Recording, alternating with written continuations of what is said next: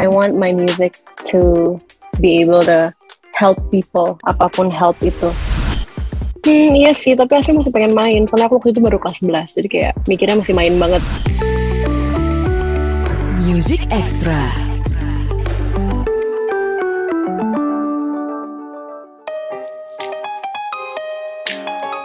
Halo good friends, Music Extra barengan gue Reno Aditya dan kali ini kita punya Rahmania Astri nih, aka Astri Arti, apa kabar? Hai, kabar baik. Gimana kabar kakak? Kabar baik banget. Well, anyway, selamat buat single terbarunya. Uh, good friends, you. Astri baru merilis When You Were Mine. Ini adalah single yang baru dirilis bulan Oktober kemarin ya. Mhm. So, jadi gimana nih? Uh, setelah melewati masa pandemi yang gue yakin buat Astri juga berimpact cukup lumayan. Nggak manggung, jarang ketemu orang gitu kan. Biasanya kan kalau penyanyi gitu tuh ya, uh, inspirasi nggak datang dari diri sendiri. Tapi Betul. ketika ketemu orang, ketika dengerin cerita orang gitu. Nah, gimana akhirnya lagu ini bisa terjadi gitu? Ini kan lagu yang lahir di masa pandemi kurang lebih ya. Bener ini pandemic baby ya.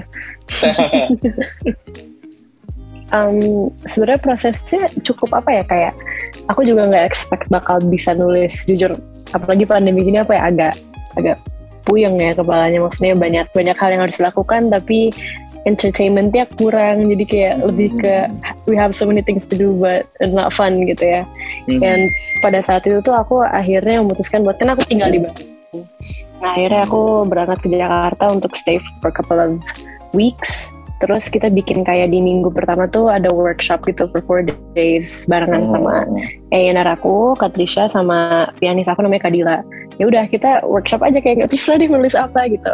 Dari awalnya Oke. cerita-cerita, curhat-curhat, terus akhirnya muncullah si ide buat lagu ini. Sebenarnya itu ide pertama lirik awalnya tuh dari temen aku namanya Will, dia producer dia kayak waktu itu bikin lagu gitu. Terus aku kayak very interested sama line pertamanya, which is line pertama di lagu When You Were Mine yang apa I miss those late night drives with you kayak gitu. Terus Oke. aku kayak langsung ke ke trigger aduh apa nih nextnya apa nih abis itu baru kita sambung sambungin sama kejadian yang udah pernah kejadian sebelumnya and so on so on so on Oh. gitu si, si, si, si. Jadilah lagu ini. Tapi jadi berarti ini lagu bukan sesuatu yang datang dari your personal life, pengalaman pribadi gitu, bukan ya? mungkin a mixture kali ya kayak agak mix and match gitu kali ya Jadi kayak uh, seperti kita nonton film yang diambil dari kisah nyata.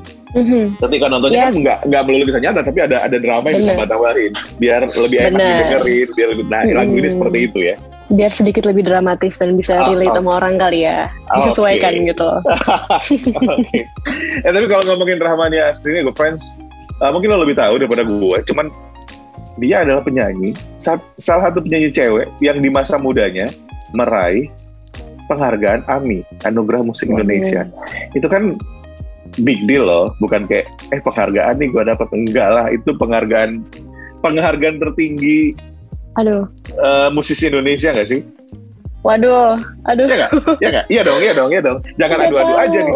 aku adu-adu aja deh Jadi gue pernah ngobrol sama sama sama penyanyi cewek juga nih. Hmm. Ketika itu dia juga dapat AMI. Terus ngomong gini, wah selamat dapat AMI. Berarti eh, setelah dapat AMI harga manggung naik dong ya? waduh aku udah Nggak, komen deh aku diem aja Enggak, tapi tapi jujur, Sri. Setelah kamu dapat penghargaan penyanyi Hmm. R&B solo eh, solo artis terbaik, itu bukan Hmm. kayak cuma penghargaan yang biasa-biasa aja gitu loh. As a soloist, ini penghargaan yang eh, soloist, ini salah satu penghargaan yang paling tinggi yang kamu dapetin.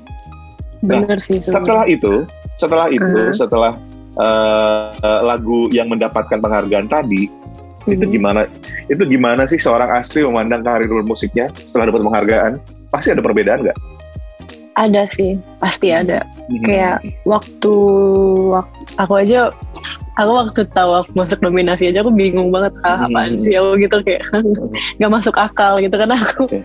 emang mungkin mimpinya agak pendek kali ya jadi aku nggak kepikiran sejauh itu untuk apa ya mimpi aku tuh nggak sejauh itu kayak oh ya gue bakal one day I'm gonna win an award or something nggak kepikiran sampai sana makanya masa waktu masuk nominasi juga yang kayak Hah?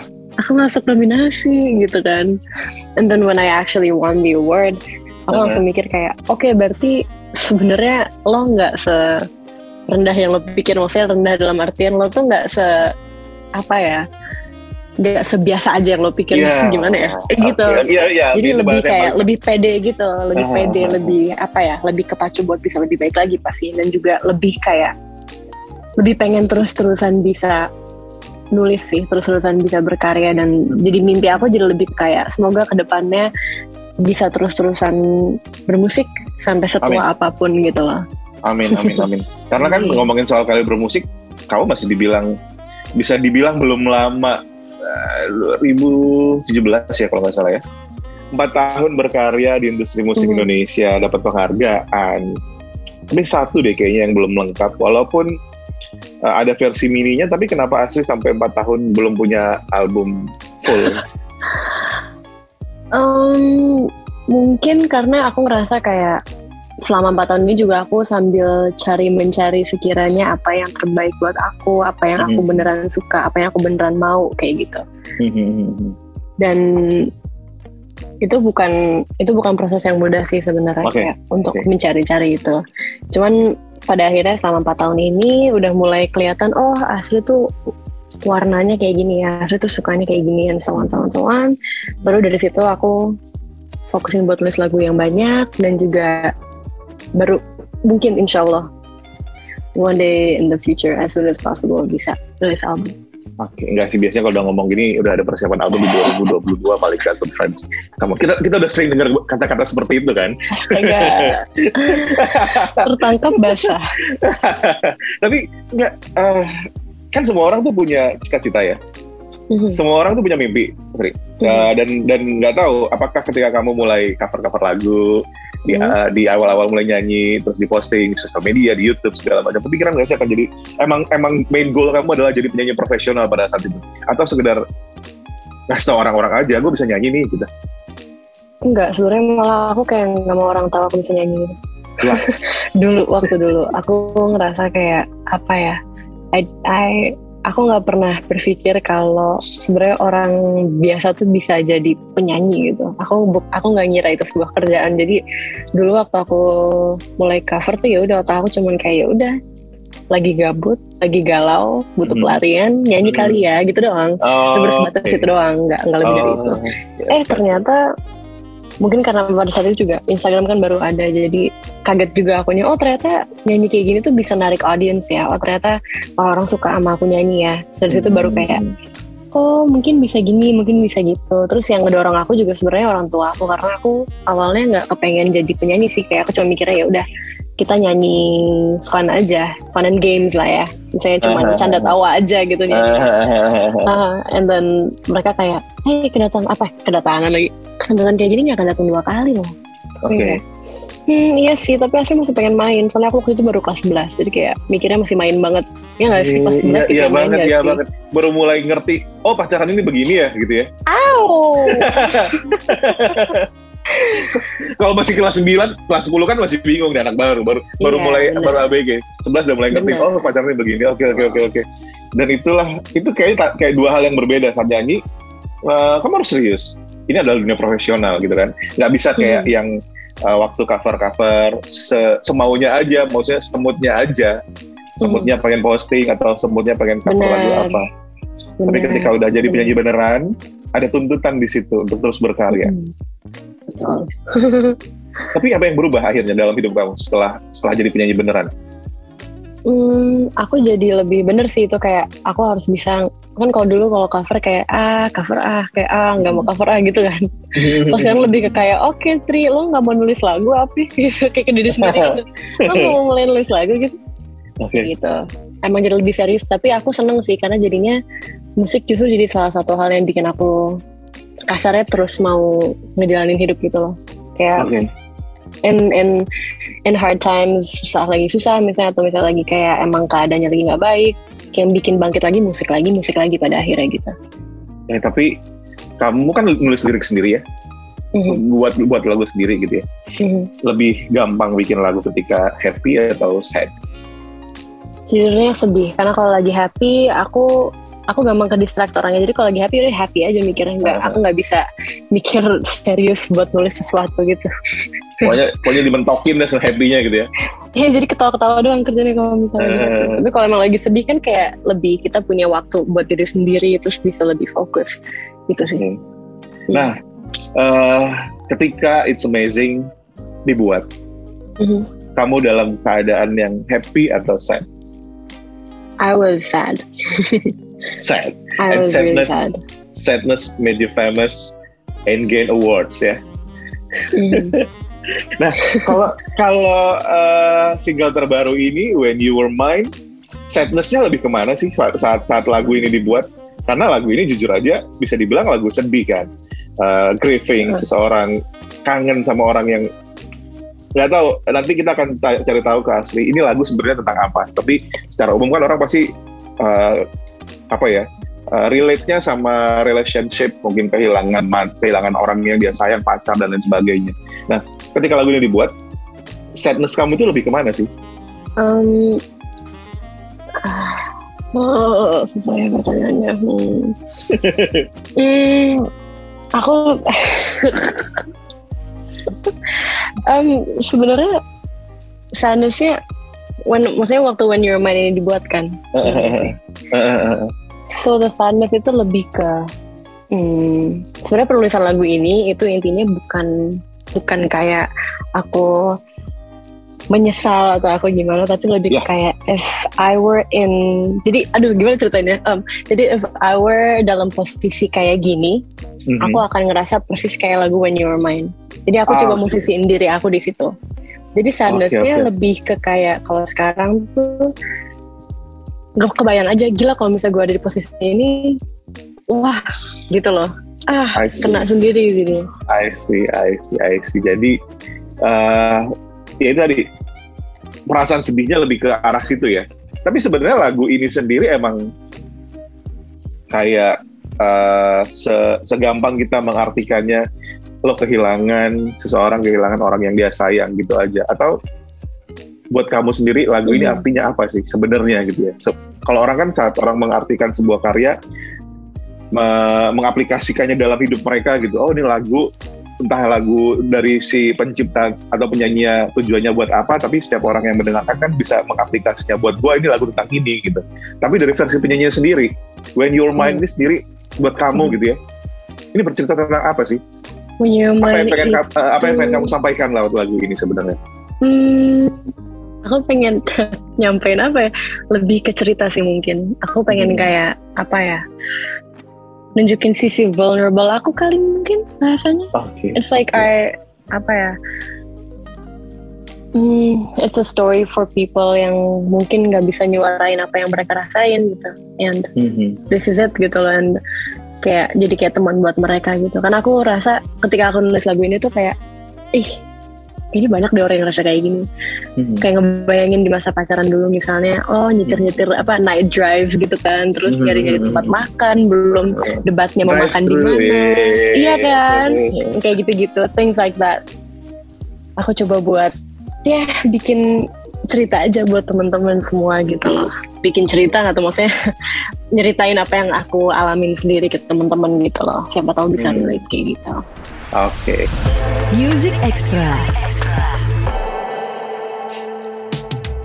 sebenarnya buat buat banyak orang lagu-lagu seperti ini lebih kenal loh Good Friends. Ini deh, eh, ada dua jenis lagu kan. Lagu cinta itu ada dua jenis. Lagu happy, soal dia bagaimana dia jatuh cinta, bagaimana dia Benar. memulai sebuah relationship.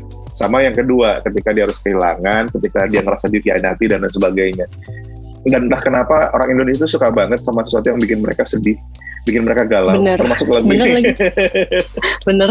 ya kan kamu sendiri kalau buat lirik lagu lagu cinta yang happy dan yang sad itu pasti lebih kena yang sedihnya kan Aku tuh jarang banget bikin lagu cinta yang happy.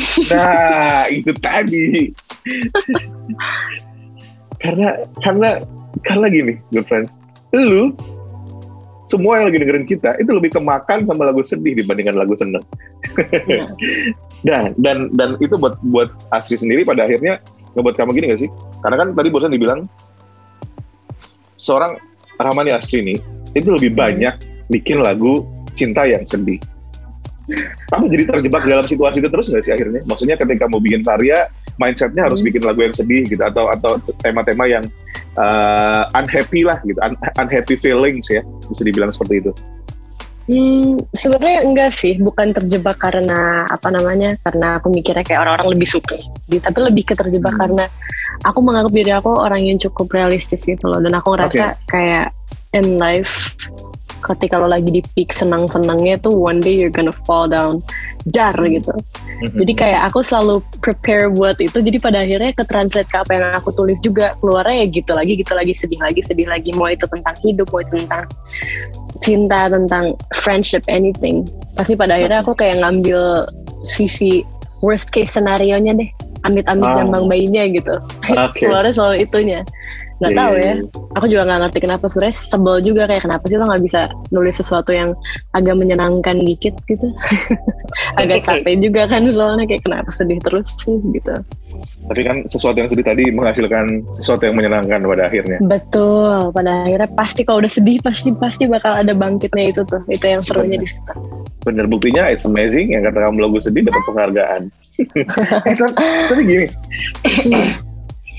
kan yang namanya penghargaan itu kan sesuatu yang maksudnya gini, penghargaan itu kadang-kadang bukan jadi goal seseorang. Benar. Gue yakin good friends ketika lo bekerja, lo nggak nyari, lo nggak cari penghargaan di situ. Ibaratnya kalau karyawan kerja, ya cari penghasilan, dibayar dengan sesuai dengan apa yang dikerjakan. Gitu juga dengan dengan uh, seniman, dengan musisi. Ketika dia berkarya, dia cuma pengen diapresiasi, dinikmati Hmm. karyanya. Orang ngerti Betul. dengan apa yang dia sampaikan gitu kan. Dan kadang-kadang yang namanya penghargaan itu bukan jadi goal, bukan jadi gua mau buat karya ini, mau buat lagu ini, tujuannya biar dapat penghargaan. Enggak, Mm-mm. enggak seperti itu kan. Tapi Iya. ketika penghargaan itu datang, ketika kamu dapat penghargaan itu, pasti ada kayak ini enggak, bukan pasti ya. Eh, jadi ada kayak gini nggak? Aduh next berarti eh, It's Amazing ini jadi kayak benchmark karya gue selanjutnya nggak boleh lebih lebih biasa aja atau lebih kurang bagus daripada It's Amazing gitu nggak sih? Jadi terbebani nggak ketika mau buat karya baru akhirnya? Hmm, enggak sih sebenarnya kalau misalnya dibilang terbebani. Hmm. Justru as I said earlier lebih lebih terpacu sih, lebih kayak wah gitu. Karena apa ya menurut aku to be expecting the unexpected itu something yang very Hmm. beautiful gitu loh. Kayak kita nggak expect apa bakal terjadi tiba-tiba kejadian Oke. gitu. Jadi to to be working, to be making music without expecting anything in return tuh menurut aku hal yang sangat amat susah tapi sangat amat beneficial buat kebaikan mental dan fisik ya. Kayak lebih lebih tenang juga, lebih zen Uh-huh. juga, lebih kayak Uh-huh. lebih pure juga karya yang dikeluarin tuh nggak yang kayak wah kalau gue ngeluarin lagu dengan beat kayak gini ntar orang nggak suka lebih kayak jadi itu nggak akan nggak akan kepikiran lebih kayak ya udah this is what I like, this is what I want to apa make for people. Mhm. Udah ngelakuin itu aja gitu. So Oh. kalau dibilang beban enggak, justru it's something that makes me happy. Gitu. Ah, jadi kayak ada apa ya? Ada hmm, apresiasi lebih yang didapetin Benar. asli dari nggak cuma sekedar didengerin orang lagunya, dikomentarin, maksudnya pasti banyak yang kemudian komen di Instagram kamu kayak ih ini lagunya relate banget sama aku atau Iya. Asri makasih udah buat lagu ini pasti banyak banyak yang Iya, itu bikin nangis banget itu yang kayak gitu. Iya. Makasih udah bikin lagu ini. Oh itu aku kayak, no jangan gitu, aku nangis. Cengengnya. apa, apa lagi sih yang kamu cari? Maksudnya mm, ini bukan berarti kayak, kayak ketika orang udah dapat penghargaan, kolaborasi Mhm. sama kolaborasi udah pernah. Bahkan kalau nggak salah sempat yang ini nggak? Eh, sempat baca sempat baca di sebuah artikel lewatan 2020 yang kolaborasi sama beberapa penyanyi dari beberapa negara gitu-gitu kan. Oh iya. pernah juga gitu. Mm-mm. apa lagi sih yang kamu cari yang kamu incer? Karena kan tadi yang seperti Astri bilang kita kadang-kadang nggak perlu expect sesuatu tapi jujur aja sebagai manusia pasti kita punya target punya ekspektasi Pasti. dari apa yang kita lakuin kan.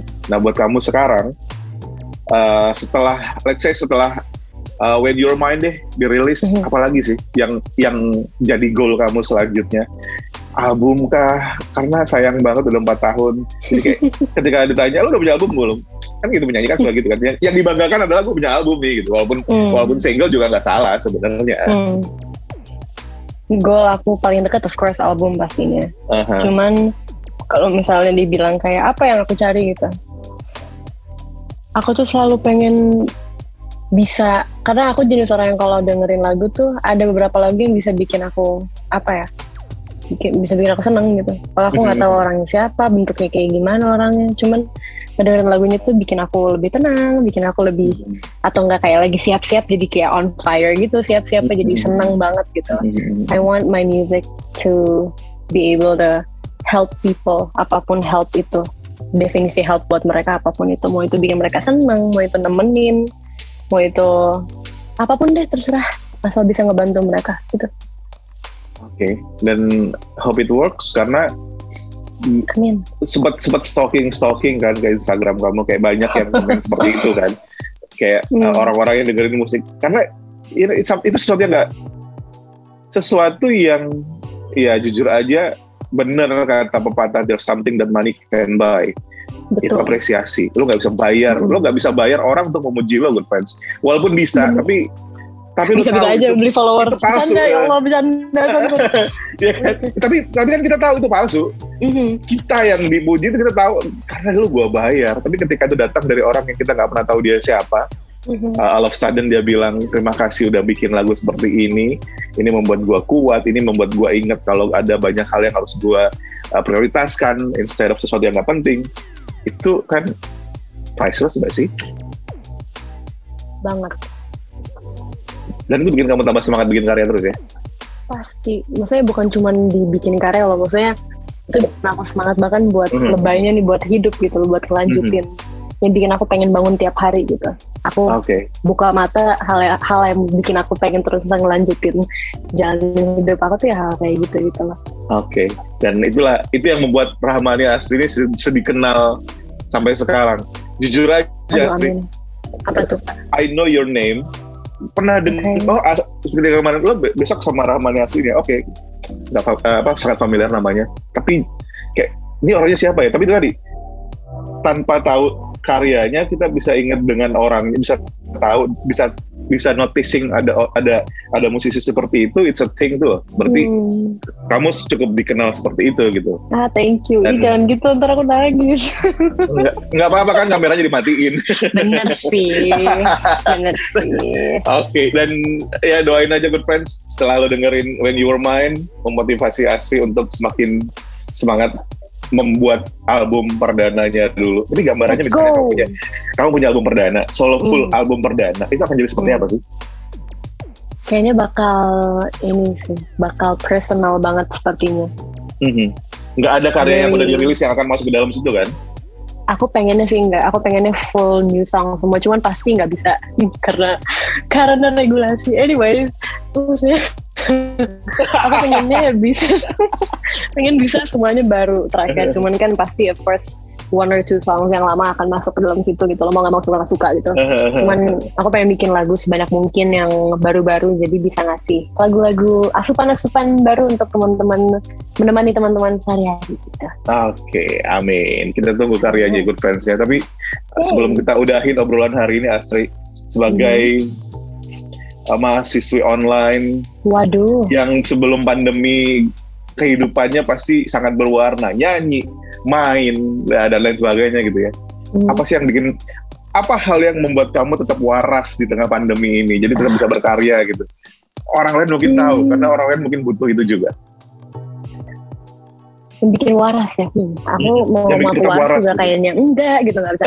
Em, kayaknya ini deh, surrounding myself sama orang-orang yang emang positif.